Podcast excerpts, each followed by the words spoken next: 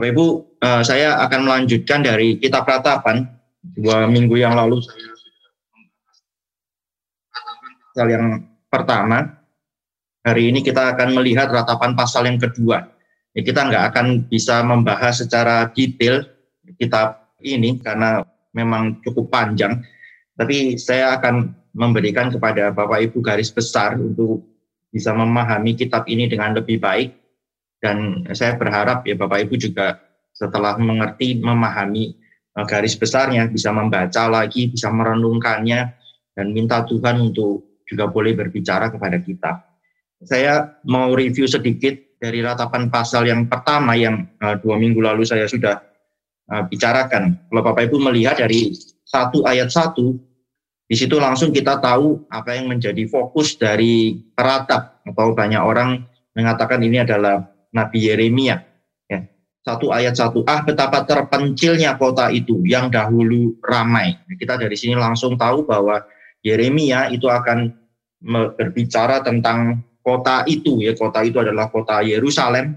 Saya sudah menyatakan bahwa mulai dari Yehuda itu sebutan untuk kerajaan selatan, terus kemudian menyempit ke Sion, kota daerah Sion, pegunungan Sion, dan kemudian sampai ke kota Yerusalem. Ini adalah ratapan yang pertama. Ratapan pertama berfokus kepada yang diratapi, yaitu kota Yerusalem itu sendiri. Juga ada satu movement, ada satu pergerakan dari awal pasal satu ini sampai ke akhir. Ya, kalau Bapak Ibu memperhatikan kata ganti yang dipakai, ya, awalnya Yeremia itu menunjukkan kepada kita kondisi tentang Yehuda, kota Sion, dan Yerusalem itu tetapi seolah-olah dia adalah orang yang dari luar yang melaporkan. Tapi kemudian dia berganti memakai kata ganti yang uh, lain, memakai kata ganti sebagai orang yang pertama di dalam ayat yang ke-11 dan kemudian dia sendiri mulai menempatkan dirinya di dalam pergumulan itu. Ini sekarang bukan lagi kota Yerusalem yang di luar dia, tetapi dia sendirilah yang bergumul. Dia sendirilah yang menjadi bagian dari Yerusalem itu dan dia yang bergumul dan dia yang meratap. Tapi di ayat yang ke-20, mulai ayat yang ke-20 sampai 22, itu adalah satu ratapan yang lebih personal kepada Tuhan, kepada Yahweh. Yang mulai meratap secara personal kepada Yahweh. Bukan lagi tentang Yerusalem, tetapi yang meratap secara personal kepada Yahweh. Dua minggu yang lalu saya katakan ketika kita meratap, itu penting bukan hanya memperhatikan kondisi kita, bukan hanya menyatakan keluhan-keluhan kita, kesulitan-kesulitan yang kita hadapi, tapi penting kita meratap kepada siapa, kita menempatkan diri di mana, dan kemudian kita meratap kepada siapa. Ya. Sekarang kita akan masuk di dalam ratapan pasal yang kedua. Dalam pasal yang kedua ini kita bisa melihat bahwa bukan lagi Yerusalem. Ya kalau tadi selalu menceritakan tentang kondisi Yerusalem, tapi di dalam pasal yang kedua ini Yeremia sekarang memfokuskan ratapannya itu adalah tentang Tuhan. Ya, sekarang Tuhanlah yang menjadi fokus di dalam uh, ratapan pasal yang kedua ini. Saya mengajak Bapak Ibu untuk membaca dari ratapan pasal yang kedua dan saya harap Bapak Ibu juga boleh uh, melihat apa yang menjadi fokus dari Yeremia dan perhatikan juga nanti Eh, kata ganti orang yang dipakai di dalam ratapan pasal yang kedua ini masih mirip dengan pasal yang pertama. Ya, saya akan membacakan ratapan pasal yang kedua. Ya Bapak Ibu kalau mau juga uh, boleh membaca dengan bersuara di tempat masing-masing. Ya karena firman Tuhan itu ketika kita mendengarkan dan kemudian kita juga membaca itu menjadi sesuatu yang uh, lebih kita bisa mengerti ya lebih mudah untuk kita bisa mengerti lebih mudah untuk kita bisa ingat Ya, Bapak Ibu mungkin tahu Alkitab ini perjanjian lama khususnya ditulis ketika orang-orang memiliki budaya mendengar. Belum membaca pada waktu itu, nggak banyak orang yang bisa membaca, tetapi mereka mendengar. Ya meskipun ini sudah diterjemahkan tentu mendengarnya juga akan berbeda. Sekali lagi ratapan ini ditulis secara akrostik jadi eh, ada 22 ayat dan 22 ayat itu masing-masing dimulai dengan alfabetnya Ibrani yang memang jumlahnya adalah 22. Kita sekarang nggak mungkin mendapatkan itu dari terjemahan Indonesia, tapi saya tetap percaya bahwa firman Tuhan itu uh, penting untuk kita terus-menerus mendengarkannya. Mari kita membaca dari ratapan pasal yang kedua. Ah, betapa Tuhan menyelubungi putri Sion dengan awan dalam murkanya. Keagungan Israel dilemparkannya dari langit bumi. Tak diingatnya akan tumpuan kakinya tatkala ia murka. Tanpa belas kasihan Tuhan memusnahkan segala ladang Yakub. Dia menghancurkan dalam amarahnya benteng-benteng putri Yehuda. Dia mencampakkan ke bumi dan mencemarkan kerajaan dan pemimpin-pemimpinnya. Dalam murka yang menyala-nyala, ia mematahkan segala tanduk Israel menarik kembali tangan kanannya pada waktu si seteru mendekat, membakar Yakub laksana api yang menyala-nyala yang menjilat ke sekeliling, yang membidikan panahnya seperti seorang seteru dengan mengacungkan tangan kanannya seperti seorang lawan, membunuh segala yang menyenangkan mata dalam kemah putri Sion, memuntahkan geramnya seperti api. Tuhan menjadi seperti seorang seteru, ia menghancurkan Israel, meremukkan segala purinya, mempuingkan benteng-bentengnya memperbanyak susah dan kesah pada putri pada putri Yehuda. Ia melanda kemahnya seperti kebun, menghancurkan tempat pertemuannya. Di Sion, Tuhan menjadikan orang lupa akan perayaan dan sabat, dan menolak dalam kegeraman murkanya raja dan imam. Tuhan membuang mesbahnya, meninggalkan tempat kudusnya, menyerahkan di dalam tangan seteru tembok puri-purinya, teriakan ramai mereka dalam bait Allah seperti keramaian pada hari perayaan jemaat. Tuhan telah memutuskan untuk mempuingkan tembok Putri Sion. Dia mengukur semuanya dengan tali pengukur. Ia tak menahan tangannya untuk menghancurkannya. Ia menjadikan berkabung tembok luar dan tembok dalam. Mereka merana semua. Terbenam gapura-gapuranya di dalam tanah. Tuhan menghancurkan dan meluluhkan palang-palang pintunya. Rajanya dan pemimpin-pemimpinnya berada di antara bangsa-bangsa asing. Tak ada petunjuk dari Tuhan, bahkan nabi-nabi tak menerima lagi wahyu daripadanya. Duduklah tertegun di tanah para tua-tua putri Sion, mereka menabur abu di atas kepala dan mengenakan kain kabung. Darah-darah Yerusalem menundukkan kepalanya ke tanah. Mataku kusam dengan air mata, remuk redam hatiku, hancur habis hatiku. Karena keruntuhan putri bangsaku, sebab jatuh pingsan kanak-kanak dan bayi di lapangan-lapangan kota. Kepada ibunya mereka bertanya, mana roti dan anggur? sedang mereka jatuh pingsan seperti orang yang gugur di lapangan-lapangan kota ketika menghembuskan nafas di pangkuan ibunya. Apa yang dapat kunyatakan kepadamu? Dengan apa aku dapat menyamakan engkau, ya putri Yerusalem? Dengan apa aku dapat membandingkan engkau untuk dihibur, ya darah putri Sion? Karena luas bagaikan laut leruntuhan, siapa yang akan memulihkan engkau?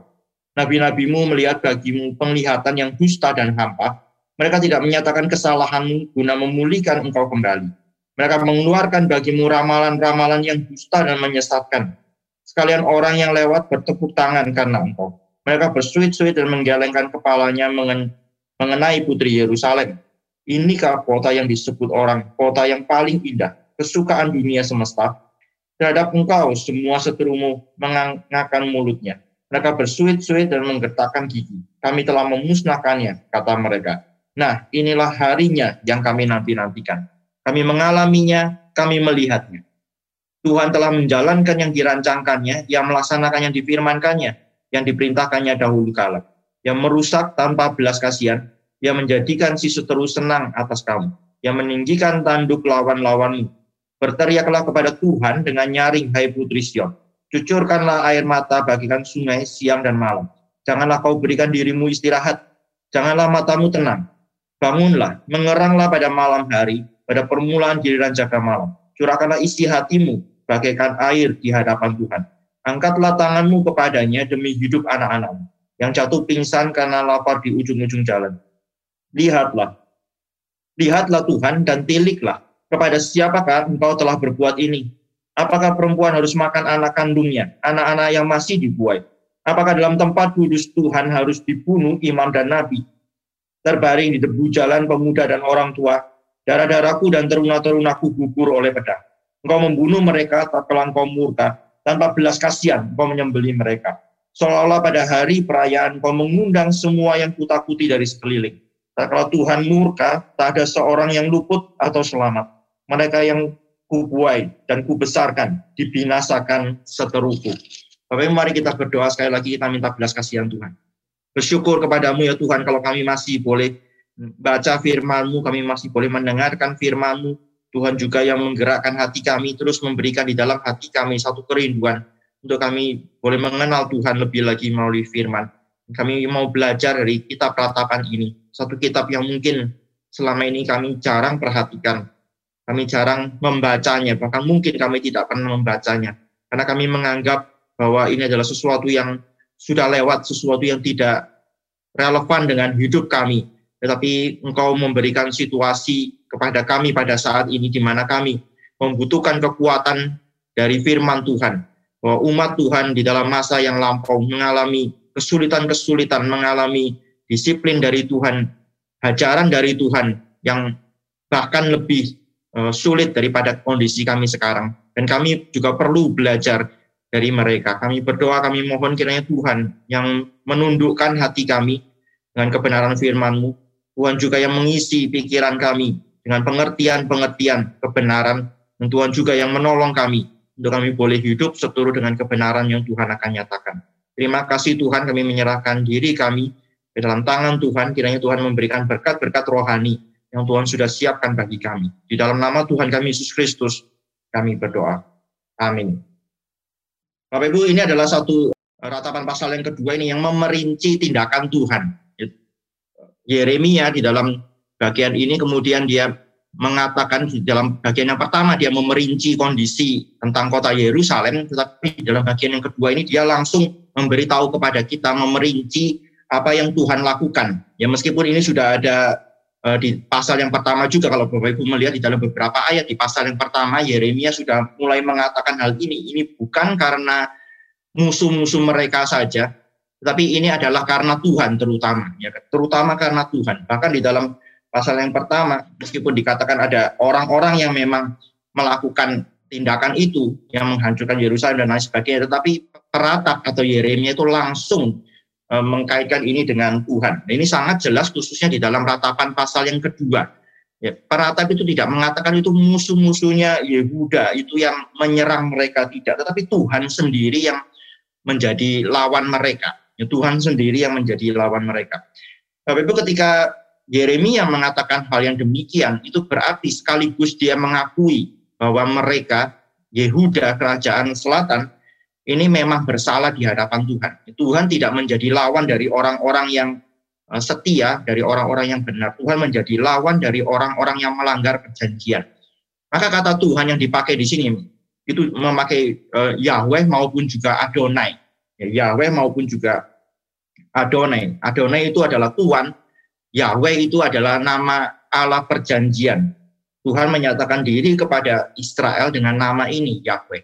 Dan kita tahu bahwa nama ini adalah nama yang menyatakan kebesaran Tuhan, menyatakan bahwa Tuhan itu transcendence, tetapi sekaligus Tuhan yang imanen, Tuhan yang mau bersama-sama dengan umatnya.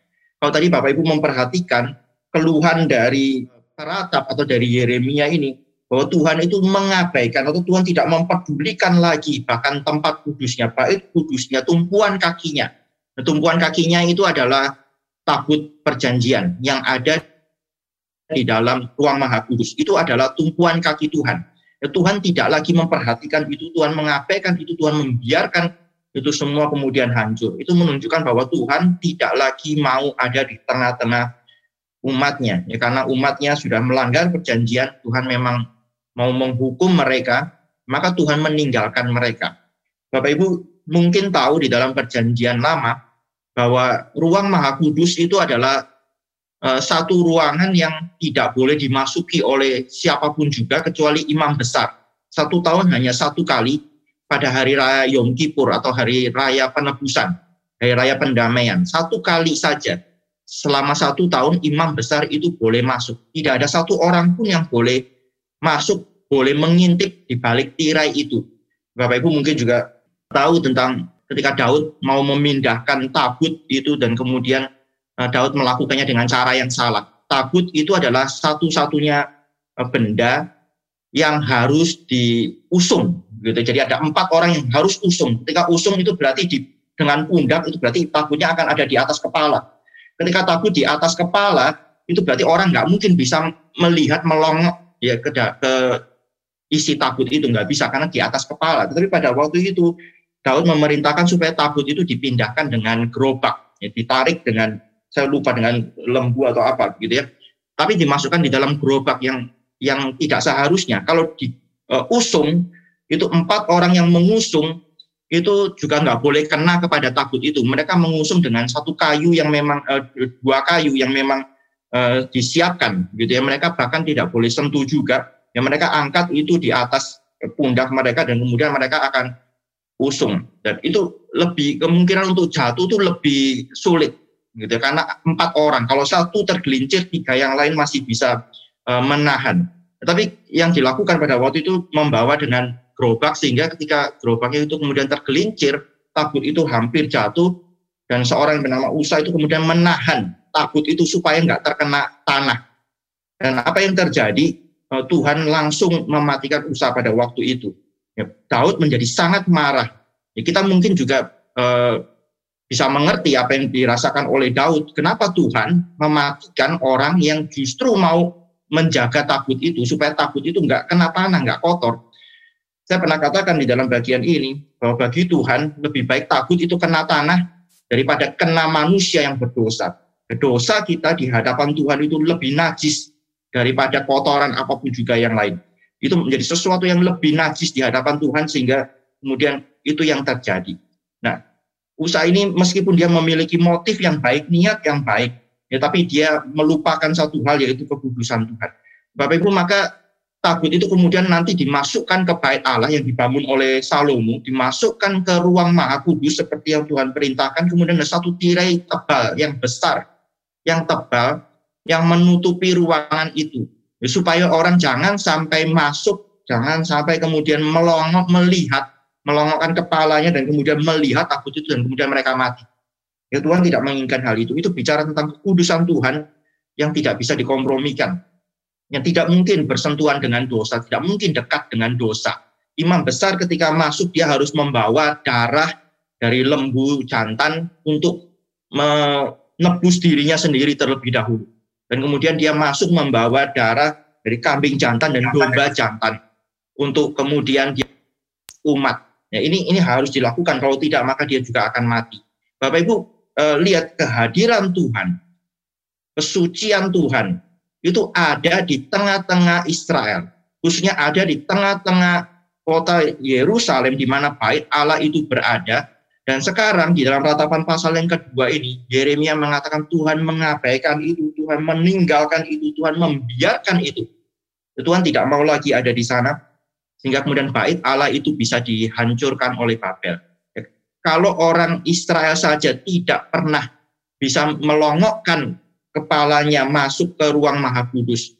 Bagaimana mungkin kemudian orang-orang kafir itu, orang-orang yang tidak bersunat itu, orang-orang Babel itu yang bukan umat, dibiarkan oleh Tuhan untuk menghancurkan bait, bahkan untuk kemudian juga menghancurkan ruang maha kudus, termasuk isi di dalamnya.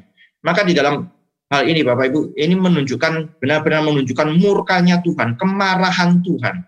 Dan Yeremia mengatakan hal ini, bukan musuh, Musuh itu cuma alat. Bangsa-bangsa lain musuh-musuhnya Israel itu cuma alat saja. Tetapi yang melakukan ini semua adalah Tuhan itu sendiri. Bapak Ibu, saya yakin kita tentu ingat ketika Ayub, ya Ayub itu di dalam dua kali kemudian di e, mengalami penderitaan. Yang pertama segala sesuatu yang dia miliki habis, anak-anaknya pun mati, begitu. Tapi kemudian yang kedua tubuhnya sendiri ada satu penyakit. Bapak kalau kita membaca dalam Ayub pasal yang pertama, dalam Ayub pasal yang pertama, kita diberikan rincian ya bagaimana Ayub kehilangan segala sesuatu. Mulai dari ayat yang ke-13, Ayub 1 ayat yang ke-13. Ya dikatakan ayat yang ke-15 ya, kita langsung ayat 15, orang-orang Sheba. Ya, ada orang-orang Sheba yang menyerang merampas lembu sapi dan keledai-keledai betinanya Ayub. Ini ada orang-orang Sheba dan kemudian membunuh juga eh, penjaga-penjaga. Sisa satu orang yang selamat. Itu kemudian di dalam ayat yang ke-16 ada api yang menyambar dari langit dan memakan habis kambing domba dan penjaga-penjaga. Ini natural disaster. Ini ada satu bencana alam gitu, api dari langit. Apakah itu ada petir misalnya, begitu yang kemudian membakar kandang dari kambing dombanya yang ribuan itu dan kemudian menghabiskan semuanya.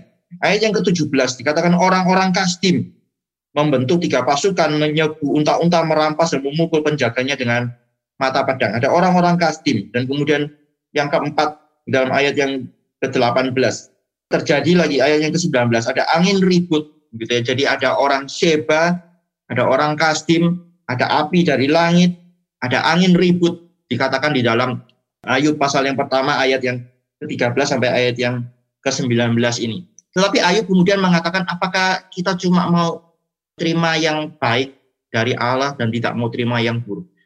Tuhan yang kasih semuanya, Tuhan juga yang ambil. Ayub sama sekali nggak mengatakan itu orang-orang Sheba dan orang-orang Kasdim itu merampok aku dan lain sebagainya. Dia sama sekali tidak menyebutkan hal itu, dia langsung mengatakan bahwa itu adalah Tuhan. Itu adalah Tuhan. Bapak Ibu, ini satu hal yang kita mungkin nggak berani lakukan. Siapa di antara kita yang ketika kita mengalami satu hal yang tidak beruntung, satu ketidakberuntungan, atau satu hal yang sulit begitu terus kemudian kita langsung mengatakan Tuhanlah yang melakukan ini kepadaku. Ya, kecuali orang itu adalah orang yang mungkin benar-benar kecewa kepada Tuhan.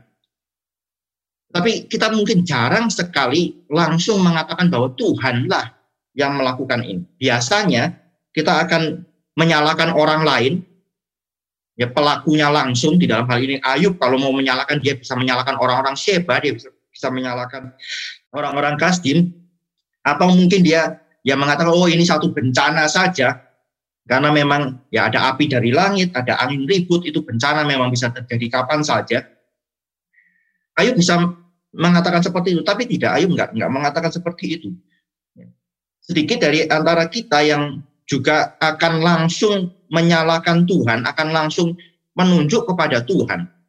Kalau kita mengalami sesuatu hal yang kita tidak inginkan di dalam hidup kita, tapi mungkin juga ada orang-orang yang gampang sekali menyalahkan Tuhan karena mereka memiliki konsep yang salah. Ya, karena mereka memiliki konsep yang salah di dalam pemikiran mereka, di dalam pengenalan mereka akan Tuhan. Mereka berpikir bahwa mereka selayaknya untuk mendapatkan segala hal yang baik dan tidak seharusnya ketika mereka adalah anak-anak Tuhan, kemudian mereka mengalami hal-hal yang buruk. Ya, ada orang-orang yang memiliki konsep yang salah dan kemudian mudah juga untuk menyalahkan Tuhan. Tetapi kalau kita memperhatikan peratap ini, dia mengatakan Tuhanlah yang melakukan itu semua, tapi tanpa ada sesuatu uh, tuduhan kepada Tuhan. Dia tidak sedang menyalahkan Tuhan, dia mengakui Tuhan. Saya mengatakan di sini bahwa justru Yeremia itu sedang mengakui Tuhan. Ini bukan sesuatu natural disaster saja, ini bukan cuma tindakan dari eh, orang-orang uh, jahat saja, tetapi ada Tuhan yang mengizinkan itu terjadi. Ada Tuhan yang bahkan dibalik semuanya itu. Bapak Ibu kalau membaca ayat-ayat yang pertama dari pasal yang kedua ini saja, maka Bapak Ibu akan bisa melihat bahwa Yeremia menempatkan Tuhan sebagai pelaku aktif. Misalnya, Bapak Ibu bisa melihat di ayat yang keempat. Pasal 2 ratapan 2 ayat yang keempat. Ia ia di sini adalah Tuhan membidikan panahnya seperti seorang seteru. Tuhan yang membidikan panahnya mengacungkan tangan kanannya seperti seorang lawan membunuh segala yang menyenangkan mata dalam kemah putri Sion. Ini Tuhan yang ini Yeremia langsung mengatakan Tuhan yang melakukan itu semua. Dan kita tahu tentu Tuhan melakukan itu melalui tangan orang Babel yang melalui tangan orang-orang Babel tetapi peratap itu langsung uh, menunjuk kepada Tuhan. Maka peratap pasal yang kedua ini, kita nanti Bapak Ibu baca lagi, Bapak Ibu akan menemukan fokusnya bukan lagi Yerusalem, tapi fokusnya adalah pelakunya, yaitu Tuhan. Dan tapi siapa Tuhan? Sekali lagi Tuhan adalah Tuanku Adonai dan Tuhan itu adalah Yahweh, adalah Allah perjanjian. Maka ini bukan Tuhan yang sewenang-wenang, bukan Tuhan yang semau-maunya, tetapi Tuhan yang pernah ada di tengah-tengah mereka, Tuhan yang pernah menyertai mereka, yang pernah memberkati mereka, tetapi karena ketidaksetiaan mereka, maka kemudian Tuhan sekarang menjadi musuh mereka, Tuhan menjadi lawan mereka. Tapi itu saya teringat kepada Yeskiel, di dalam Yeskiel, Yeskiel pasal yang ketiga dan pasal yang ke-33, nanti Bapak Ibu boleh baca, ini mudah diingat ya. Yeskiel pasal 3 dan pasal 33 itu Yeskiel diberikan satu uh, nubuat, diberikan satu semacam penglihatan oleh Tuhan bahwa kota itu sedang diserbu begitu ya. Di Yeskiel dikatakan kamu adalah orang yang menjaga kota. Kamu adalah orang yang seperti seorang yang berjaga-jaga untuk satu kota. Bapak Ibu kita tahu di dalam kota-kota kuno, begitu ya, mereka akan menempatkan orang-orang di menara yang tinggi untuk mereka bisa melihat keluar dan mereka harus berjaga-jaga. Ada giliran jaganya. Ya 24 jam kota itu akan dijaga ya khususnya pada malam hari begitu matahari mulai tenggelam sampai matahari terbit lagi itu menjadi satu masa yang krusial yang kritis dan harus ada penjaga di menara kota itu. Yeskiel ditempatkan di situ. Dan Tuhan kemudian mengatakan kalau kamu sebagai penjaga kota, kamu harus berjaga-jaga, kamu harus melihat kalau ada musuh yang datang, kamu harus memperingatkan kota itu. Kalau kamu diam-diam, kamu tidak memperingatkan, maka kota itu hancur, kamu harus bertanggung jawab. Ya, kamu akan dituntut juga tanggung jawab karena kehancuran kota itu. Tapi kalau kamu sudah peringatkan dan kota itu memang tidak mau melakukan apa pun juga, ya tidak mau bersiap-siap, tidak mau berjaga-jaga, maka ketika mereka hancur itu salah mereka sendiri. Kamu tidak dituntut tanggung jawab karena kamu sudah melakukan bagian. Ya, tapi di dalam bagian itu kalau Bapak Ibu memperhatikan YSL 3 dan 33, siapa musuh yang dimaksud? Musuh yang dimaksud adalah Tuhan sendiri. Aku datang untuk menghukum Yerusalem karena dosa-dosa dan kesalahannya. Dan engkau Yeskiel, aku tempatkan sebagai pengawal kota itu untuk memperingatkan mereka. Kamu harus memperingatkan mereka.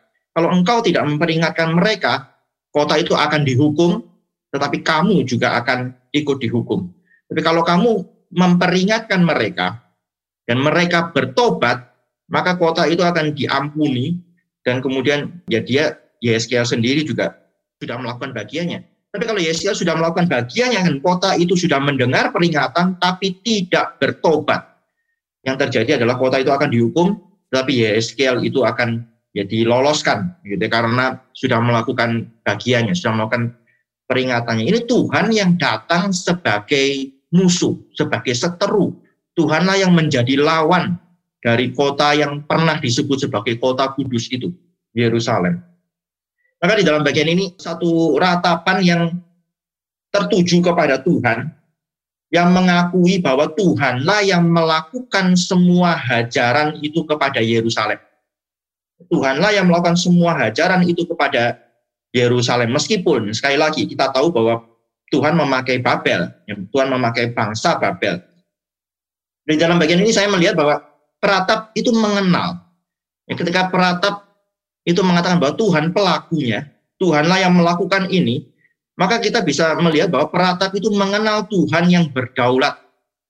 Peratap mengenal Tuhan yang berdaulat seperti halnya Ayub yang mengakui bahwa segala sesuatu berasal dari Tuhan. Nggak ada sesuatu yang terjadi dalam hidup kita yang lepas dari Tuhan. Semuanya itu ada di dalam izin Tuhan, ada di dalam kontrol Tuhan. Ya, Tuhan adalah Tuhan yang mutlak berdaulat, tidak ada sesuatu yang terjadi di luar kehendaknya. Tuhan adalah kuasa yang tertinggi, yang memberikan kuasa kepada Babel atas umat Tuhan. Nah maka di sini ketika kita meratap, ya Bapak Ibu kita juga harus belajar dari bagian ini, mengakui bahwa yang terjadi di dalam hidup kita itu dilakukan oleh Tuhan. Dilakukan bukan Tuhan yang melakukan hal-hal yang jahat itu secara langsung tidak dia tidak menjadi penyebab langsung dari segala kejahatan dari segala hal yang evil yang terjadi di dalam hidup kita bukan. Tetapi Tuhan memakai itu. Tuhan mengizinkan itu Tuhan memakai itu. Peratap bukan mau melindungi Tuhan. Ya Yeremia itu tidak mengatakan oh ini Babel kok bukan Tuhan. Tuhan itu sebenarnya sayang sama kamu. Tetapi ya Babel itu memang jahat, Babel itu memang mengincar kamu, Babel itu memang mau meluaskan wilayahnya sehingga terus kemudian Babel menyerang Yerusalem. Yeremia nggak mengatakan itu. Yeremia sangat-sangat tahu bahwa kalau Tuhan tidak izinkan, kalau Tuhan tidak kasih, ya bahkan Habakuk itu memakai kalimat yang lebih tajam lagi, Tuhan yang menggerakkan, Tuhan yang memanggil bangsa dari utara itu untuk menjadi alatnya, maka itu semua tidak akan terjadi. Peratap tidak tidak ingin supaya kita itu menjauh dari Tuhan, bukan, tetapi justru membawa kita mau membawa kita untuk makin dekat dengan Tuhan, makin mengenal Tuhan. Maka peratap itu mengingatkan kita, apa pun yang terjadi di dalam hidup kita, itu di dalam kontrol Tuhan.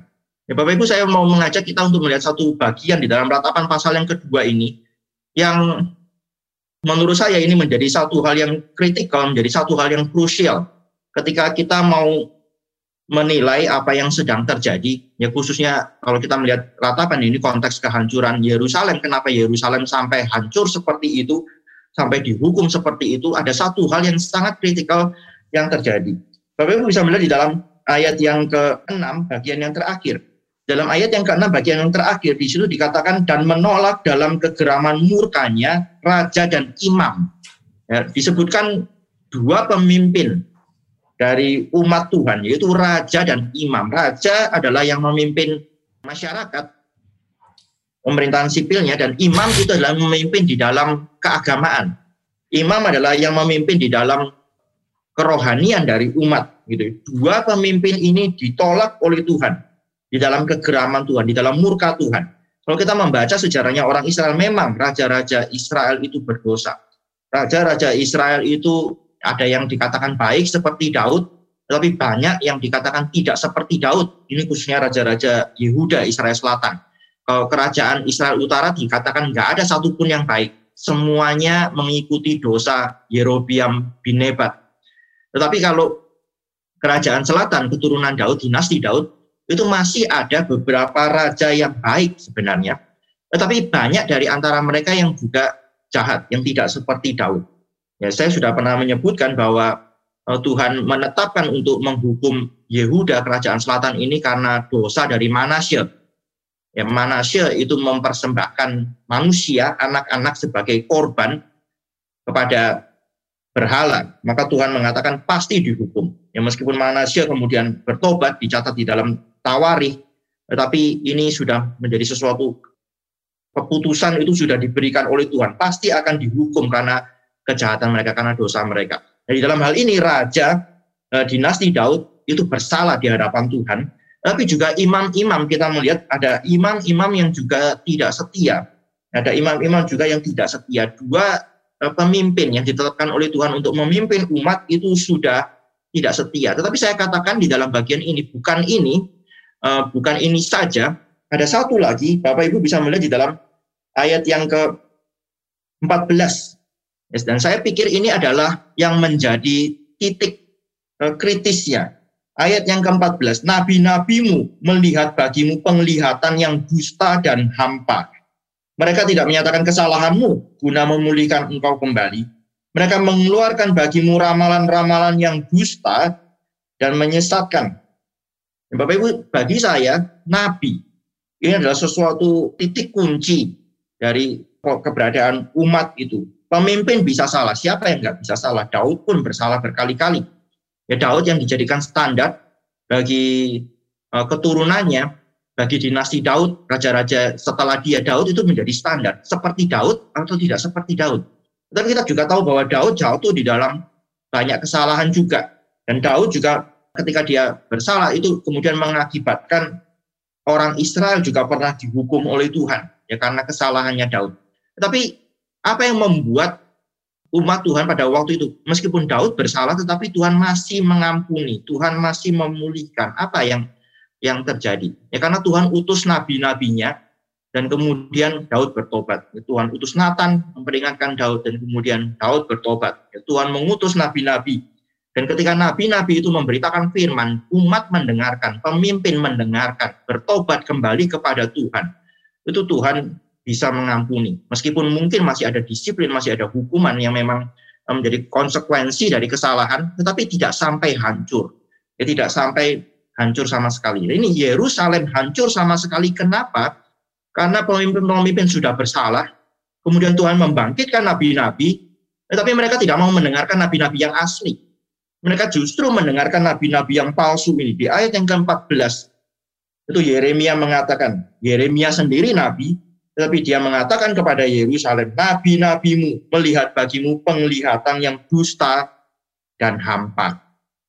Mereka tidak menyatakan kesalahanmu. Ya, mereka tidak menyatakan kesalahanmu guna memulihkan engkau kembali. Nah, perhatikan kalau nabi-nabi itu menyatakan kesalahan umat dan kemudian umat mendengarkan umat bertobat, maka masih ada kemungkinan untuk di uh, Tuhan bisa menunda, Tuhan bisa mengurangi, meringankan hukuman mereka dan lain sebagainya.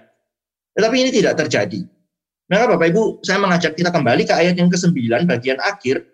Hukuman Tuhan, salah satu hukuman Tuhan bagi umatnya nanti adalah tidak ada petunjuk dari Tuhan. Sembilan bagian yang terakhir, bagian yang paling bawah. Tidak ada petunjuk dari Tuhan, bahkan nabi-nabi tidak menerima lagi wahyu daripadanya. Tuhan diam.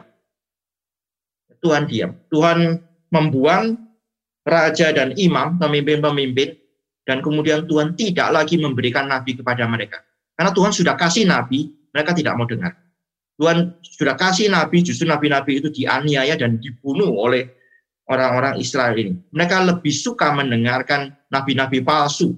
Saya mau mengajak Bapak Ibu untuk melihat di dalam Yeremia 28. Yeremia adalah kemungkinan besar adalah penulis kitab ratapan dan di dalam Yeremia 28 ini adalah salah satu contoh di mana kita bisa melihat bahwa orang Israel itu lebih suka mendengarkan nabi palsu daripada mendengarkan Yeremia, daripada mendengarkan nabi yang asli. Kenapa? Nanti Bapak Ibu akan bisa melihat dari bagian ini. Saya bacakan dalam Yeremia pasal yang ke-28 tidak terlalu panjang, saya bacakan dengan cepat.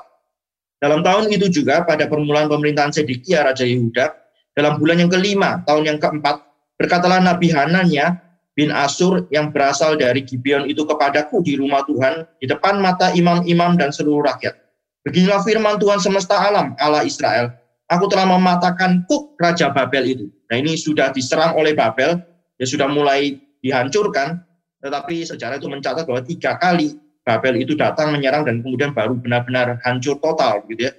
Ini sudah beberapa kali sudah terjadi serangan Babel itu, Israel, eh, Yehuda sudah dikalahkan, maka sudah ada kok Raja Babel itu.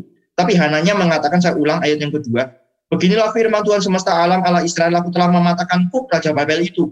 Dalam dua tahun ini, aku akan mengembalikan ke tempat ini segala perkakas rumah Tuhan yang telah diambil dari tempat ini oleh Nebukadnezar Raja Babel. Dan yang diangkutnya ke Babel. Juga Yekonya bin Yoyakim Raja Yehuda. Beserta semua orang buangan dari Yehuda. Yang dibawa ke Babel akan kembalikan ke tempat ini. Demikianlah firman Tuhan. Sungguh, aku akan mematahkan kuk Raja Babel itu. Hanya mengatakan dalam dua tahun, Yerusalem itu akan dipulihkan. Ayat yang kelima, Lalu berkatalah Nabi Yeremia kepada Nabi Hananya di depan mata imam-imam dan di depan mata seluruh rakyat yang berdiri di rumah Tuhan itu. Kata Nabi Yeremia, Amin. Moga-moga Tuhan berbuat demikian. Moga-moga Tuhan menepati perkataan-perkataan yang kau nubuatkan itu dengan dikembalikannya perkakas-perkakas rumah Tuhan dan semua orang buangan itu dari Babel ke tempat ini. Hanya dengarkanlah hendaknya perkataan yang akan kukatakan ke telingamu dan ke telinga seluruh rakyat ini. Nabi-nabi yang ada sebelum aku, dan sebelum engkau dari dahulu kala telah bernubuat kepada banyak negeri dan terhadap kerajaan-kerajaan yang besar tentang perang dan malapetaka dan penyakit sampar. Bapak Ibu lihat ayat 9. Tapi mengenai seorang nabi yang bernubuat tentang damai sejahtera, jika nubuat nabi itu digenapi, maka barulah ketahuan bahwa nabi itu benar-benar diutus oleh Tuhan. Bapak Ibu nanti boleh baca sampai selesai Yeremia di sini mengatakan nabi tidak pernah diutus oleh Tuhan untuk memberitakan damai sejahtera. Itu nabi itu diperlukan untuk memberitakan satu peringatan dari Tuhan. Itu adalah satu ancaman hukuman dari Tuhan yang Tuhan akan timpakan kepada umat kalau umat itu tidak bertobat. Nabi itu nggak akan muncul ketika pemimpin dan umat taat kepada Tuhan. Nggak perlu. Nabi nggak perlu muncul. Nabi itu perlu diberikan oleh Tuhan. Ketika pemimpin bersalah atau umat bersalah, maka perlu ada teguran dari Nabi untuk membuat mereka tahu lagi firman dan mereka berbalik bertobat. Raja itu harusnya punya gulungan kitab Taurat dan memerintah berdasarkan gulungan kitab Taurat itu. Imam itu harusnya melakukan sesuai dengan hukum Taurat, sesuai dengan hukum yang diberikan melalui Musa kepada orang Israel bagaimana mereka seharusnya beribadah kepada Tuhan. Kalau mereka melanggar, maka Tuhan akan memunculkan nabi-nabi untuk memberikan peringatan, untuk memberikan seruan dari Tuhan supaya mereka bertobat dan tidak usah dihancurkan oleh Tuhan. Tidak usah mendapatkan kutuk dari Tuhan. Tetapi ini yang terjadi. Ketika Tuhan memberikan nabi-nabi, dari dahulu Yeremia bilang, nabi-nabi itu memberitakan penghakiman. Tetapi yang kamu dengar, yang kamu lebih suka dengar, itu adalah nabi-nabi palsu yang mengatakan damai sejahtera. Nah, maka nanti kalau Bapak Ibu terus membaca sampai eh, bagian akhir di dalam Yeremia 28 ini, Hananya itu kemudian dinubuatkan mati pada tahun yang berikutnya dan benar-benar kemudian dia mati ya karena dia bersalah kepada umat Tuhan. Kembali lagi ke ratapan. Kalau kita kembali lagi ke ratapan pasal yang kedua tadi, maka kita bisa melihat di ayat yang ke-14 Yeremia itu menyebutkan bahwa nabi-nabi inilah, nabi-nabi palsu inilah yang kemudian tidak menginginkan pertobatan ya, karena nubuatan mereka yang palsu, maka Tuhan itu justru menghukum mereka. Mereka tidak suka mendengarkan perkataan dari nabi-nabi yang benar, maka sekarang Tuhan bukan saja menghukum mereka, Tuhan juga silent, Tuhan juga diam, Tuhan tidak memberikan nubuat lagi, Tuhan tidak memberikan wahyu lagi. Ya, Tuhan menghukum umatnya dan Tuhan tidak memberikan wahyu lagi. Ya, sebenarnya Tuhan masih terus berbicara, Tuhan masih terus memberikan nabi-nabi, maka kita punya ya termasuk uh, Yeremia ini termasuk nanti Yehezkiel, nabi yang di pembuangan, masih ada Daniel, masih ada nabi-nabi kecil yang Tuhan pakai uh, sampai kemudian Yehuda itu kembali dari pembuangan, membangun lagi bait Allah, membangun lagi tembok Yerusalem dan seterusnya. Ya, sampai yang terakhir itu adalah Maleaki. Ya, Tuhan sebenarnya masih terus memberikan. Tetapi ini itu satu waktu yang singkat ketika Tuhan menghukum, Tuhan tidak berbicara lagi. Ya, Tuhan sudah menetapkan penghakiman, ya Tuhan kemudian menghukum umatnya. Maka yang terakhir saya mau berbicara, Bapak Ibu, firman Tuhan itu menjadi sesuatu yang terus kita harus perhatikan. Orang-orang Yehuda itu bukan karena mereka kalah oleh musuh. Ya, bukan karena Babel lebih kuat dari mereka. Banyak bangsa-bangsa yang lebih kuat dari mereka ya, terus berusaha mau e, menyerang Israel dan, dan di dalam hal ini adalah kerajaan selatan, tetapi nggak pernah menang.